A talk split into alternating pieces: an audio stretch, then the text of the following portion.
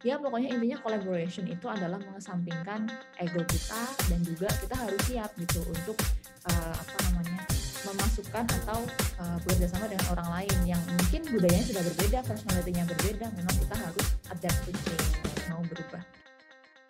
Nah, kali ini keren melaksanakan Techminar yang bertemakan Start a Collaborative Business. Nah, mungkin kalau competition sudah jelas ya. Yang jelas kalau kompetisi itu kita memperebutkan goal satu goal, tapi kita miliki sendiri-sendiri kayak gitu. Jadi misalnya juara, kita pengen juara satu, nggak mungkin kan dua-duanya juara satu, hanya punya hanya bisa satu aja yang juara. Jadi kita competing atau misalnya memperebutkan sesuatu yang dibagi uh, yang dimiliki untuk sendiri-sendiri gitu. Nah, mungkin di tengah-tengahnya competition dan collaboration atau ada cooperation ya. Bedanya apa kalau misalnya dalam dalam hal goal atau tujuan, kalau cooperation itu kita punya sih shared goal atau tujuan yang bareng-bareng gitu ya. Tapi dalam uh, mencapainya kita nggak ada yang namanya komunikasi atau misalnya equality gitu ya atau kebersa apa kesepadanan kayak gitu. Ada yang namanya subordinate, ada yang namanya boss gitu ya. Bedanya adalah di situ kalau cooperation. Sedangkan kalau collaboration kita seharusnya menganggap satu sama lain itu equal. Jadi kita punya ide dan uh, misalnya teman kita juga punya ide, partner kita, kita menganggap itu sebagai sebuah ide yang ya valid kayak gitu. Jangan menganggap bahwa itu adalah di bawah kita atau di atas kita seperti itu. Nah, bedanya lagi adalah kalau misalnya di kolaborasi, kita itu nggak diem aja, nggak cuma nurut dengan apa yang udah kita setujuin. Misalnya, um, keadaan kita sekarang seperti ini yang memang kulturnya seperti ini gitu punya budaya sendiri pasti kan setiap startup atau setiap perusahaan punya culture sendiri sendiri gitu ya. Kalau misalnya kita sudah harus collaborate dengan orang lain mungkin dengan pihak luar kita harus bisa keluar dari silo itu dari sesuatu yang sudah ada sejak lama gitu. Kita harus mau untuk accepting changes kita harus mau menyesuaikan dengan orang lain gitu ya.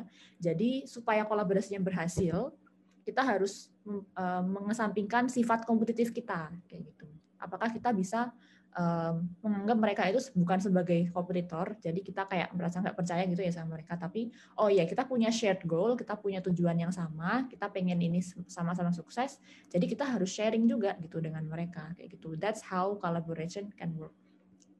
Nah ini mungkin uh, kejadian sedikit adalah mungkin kalau misalnya di Banu gitu ya, kalau kita kerja sendiri kita nggak bisa gitu nyampe ke misalnya ke market kita yaitu ke pembudidaya ikan, fish farmers gitu ya. Nah, kita harus collaborate sama pemerintah lah atau mungkin sama perusahaan lain kayak gitu dan kita harus mau gitu. Kita harus bisa untuk opening up kayak gitu.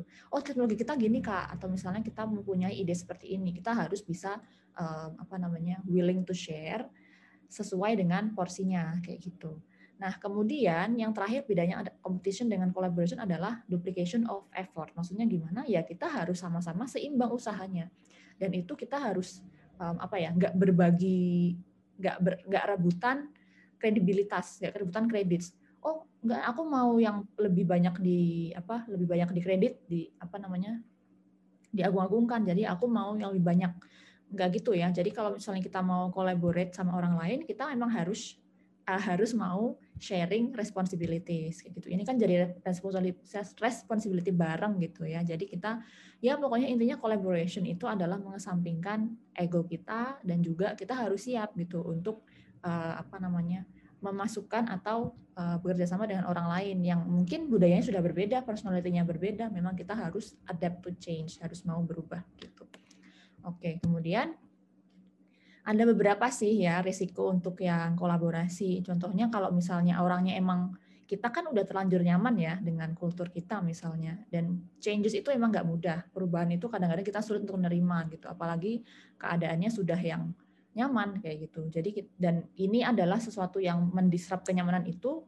Jadi kadang-kadang ada nih orang-orang itu yang agak resisten gitu. Jadi memang yang kurang mau untuk changes kayak gitu misalnya misalnya sendiri aku pernah ke langsung ke pembudidaya ikan gitu ya menawarkan sesuatu inovasi yang membantu dia kayak gitu untuk dan menawarkan kolaborasi tapi dia cukup resisten gitu karena oh enggak kok mbak nggak perlu kayaknya nggak perlu barang ini saya sudah untung kayak gitu atau misalnya saya sudah saya nggak perlu kayak gitu karena ya sudah lama saya udah bertahun-tahun kayak gini gitu. Jadi kadang-kadang ada orang yang memang sudah terlanjur di zona nyaman jadi nggak mau keluar dari zona itu. Nah, itu adalah PR dari startup ya dan kita semua sebenarnya untuk uh, supaya bisa mengajak mereka untuk apa ya melihat apa sih sebenarnya potensi yang belum kita apa maksimalkan, apa yang perlu kita lakukan, apa perubahan yang perlu kita lakukan kayak gitu.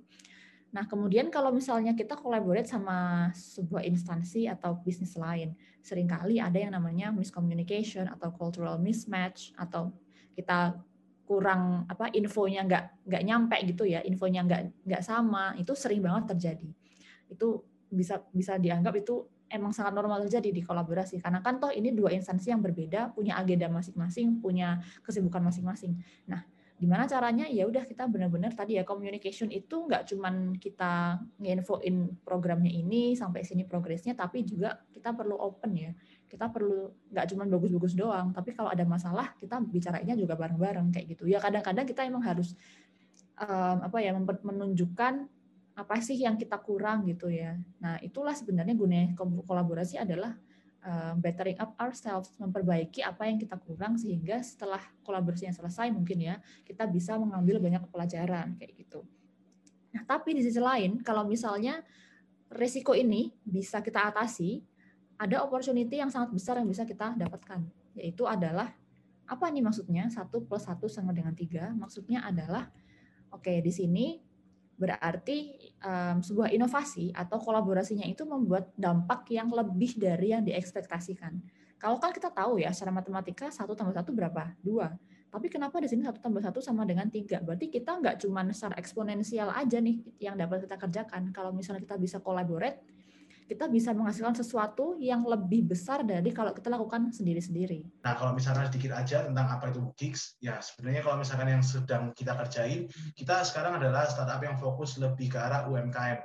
Jadi kita percaya di zaman sekarang ini kan, di zaman industri 4.0 itu, semua para pelaku usaha itu wajib melek tentang teknologi. Jadi mau itu dia yang besar, mau dia yang UMKM, mereka tuh harus benar-benar paham bagaimana caranya utilize teknologi. Nah, eh, di 2018 awal kita mulainya paling simpel dulu, kita start di idea itu dari sesuatu yang simpel, dari semua hal yang orang pakai, dan memang marketnya udah ada. Jadi kita bikin namanya aplikasi kasir. Mungkin teman-teman kalau sekarang ini teman-teman pergi ke mall, ke restoran, udah mainstream ya mungkin ya, kayak kafe-kafe itu kan udah kasirnya udah pakai Android atau pakai iPad. Nah, eh, core product kita, awal-awal banget kita bikin aplikasi kasir itu. Nah, kalau misalnya ditanya, eh, aplikasi kasir yang kita bikin ini targetnya ke siapa? sebenarnya literally hampir semua UMKM karena modul kita udah bisa cover dari F&B, toko retail, sampai jasa juga. Nah, kalau per hari ini kita udah kerjasama lebih dari 1000 UMKM, lebih tepatnya kalau di akhir tahun kemarin itu angkanya kurang lebih di angka 1.600-an UMKM. Itu yang udah kerjasama sama kita selama tiga tahun berjalan ini. Nah, kalau dari uh, apa namanya jumlah transaksi kita udah settle lumayan banyak dari jumlah transaksi dan juga volumenya juga lumayan banyak. Nah, terus ini beberapa uh, merchant-merchant kita, mungkin teman-teman ada yang pernah lihat merek-mereknya di kota-kota teman-teman. And then, oh sorry, oh sayangnya kepotong. Nah, kalau yang lu mungkin langsung tak jelasin sini deh. Kalau yang loyal ini lebih ke teman-teman. Jadi semenjak era pandemik ini kan kita tahu kalau misalkan UMKM itu sudah berlomba-lomba untuk survive. Gimana caranya mereka itu tetap bisa bertahan, nggak tutup toko, karena penjualan offline mereka juga udah turun kan. Jadi anggapannya orang-orang yang dulunya walk in mungkin sekarang masih ada tapi berkurang. Nah, loyal ini lebih ke arah kalau misalkan teman-teman pernah tahu di restoran itu kan ada kayak buku menu QR tuh. Nah, kita bikin QR menu itu yang ibarat kata eh, di mana end customer itu bisa lihat menunya restoran dan mereka bisa langsung pesan lewat sana, payment lewat sana, dan datanya itu langsung jam atau loncat pergi ke kasir dan juga dapur. Jadi nggak ada kontak dengan kayak waitress dan kawan-kawan. Jadi benar-benar semua itu teknologi uh, digital, jadi anggapannya nggak ada human interaction di sana. Jadi kalau misalkan loyal seperti itu, nah mungkin nanti yang sempat aku sampaikan juga laju, laju ini lebih ke arah uh, platform belajar juga, di mana kita melihat kalau UMKM di zaman sekarang ini kan banyak yang ibarat kata ketika mereka mau iklan online, ketika mau mereka scaling up business, mau franchising business, mereka tuh nggak tahu kayak gimana caranya. Nah, that's why kita build another bridge juga yang namanya laju. Nah, mungkin kalau perkenalan itu aja dari saya. Nah, mungkin kalau misalnya nih saya sharing dikit nih tentang gimana sih dampak kolaborasi terhadap startup. Sebenarnya teman-teman kalau misalkan kita ngomong startup ya, apalagi startup teknologi, to be honest, harusnya semua tech startup itu punya visi yang bukan hanya uh, cari uang. Well, of course, every kind of a business needs to make money gitu ya. Kita semua butuh bisa make money. But in the end of the day, every startup yang made it in the industry adalah startup-startup yang memang bisa solving the real problem, yang bisa menyelesaikan masalah utang, masalah nyata dan provide value lah ke masyarakat luas. Nah, kalau misalkan mindset kita adalah seperti itu, sebenarnya kalau misalkan kita punya kompetitor atau punya pesaing di luar sana, mau itu brand lain, aplikasi lain, uh, to be honest, kita tuh sebenarnya uh, dalam dalam satu jalur yang sama. Jadi kita tuh ibarat kata misalkan nih, saya melihat aplikasi kasir lain atau aplikasi-aplikasi UMKM lain. To be honest, kadang itu ya kalau secara bisnis memang kompetitor. Tapi sebenarnya kalau misalkan kita semua dikumpulin jadi satu, end goal kita sebenarnya sama. Gimana caranya kita bantu UMKM Indonesia itu bisa melek teknologi pakai data bisnis mereka supaya mereka bisa scaling up gitu loh. Nah, kalau misalkan kita punya mindset seperti itu, harusnya juga kita uh, harusnya sebagai startup itu lebih terbuka untuk kolaborasi. Contoh paling gampang adalah kalau misalkan kita seorang wirausaha, uh, saya paham banget nih gimana kalau misalkan kita pertama kali bikin usaha kan pastinya idealis. Kayak kalau bisa semua itu kita kerjain sendiri. Nah, mantra sendiri itu kolaboratif channeling, bukan hanya dari UMKM. Yang pertama adalah dari timnya dulu. Dari mantra sendiri untuk timnya juga kolaborasi antara pentingnya ketika kita membuat sebuah startup, ketika kita uh, mencari tim itu kita kan harus match apa sih yang kita punya dan apa yang kita tidak punya. Yang tadi udah disampaikan sama Kak Azelia.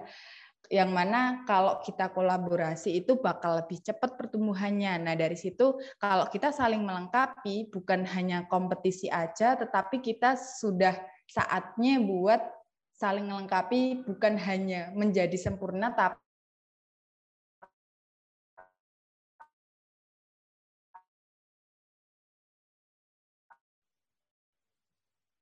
Halo, Kak UMKM. Oke, nggak apa-apa tadi sempat terhenti. Oke. Ya, jadi kolaborasi dengan UMKM, kemudian dengan diaspora Indonesia, yang mana mereka juga jadi eh, marketing channelingnya dari Mantra. Jadi nggak hanya eh, mereka di luar hanya bekerja ataupun uh, jadi mahasiswa seperti itu. Tapi kita juga ajak mereka buat kontribusi nih, buat ngenalin produk-produk Indonesia gitu. Kemudian dari segi pemerintahan juga uh, kami juga kolaborasi dengan dinas-dinas terkait seperti dinas koperasi dan UKM kayak gitu.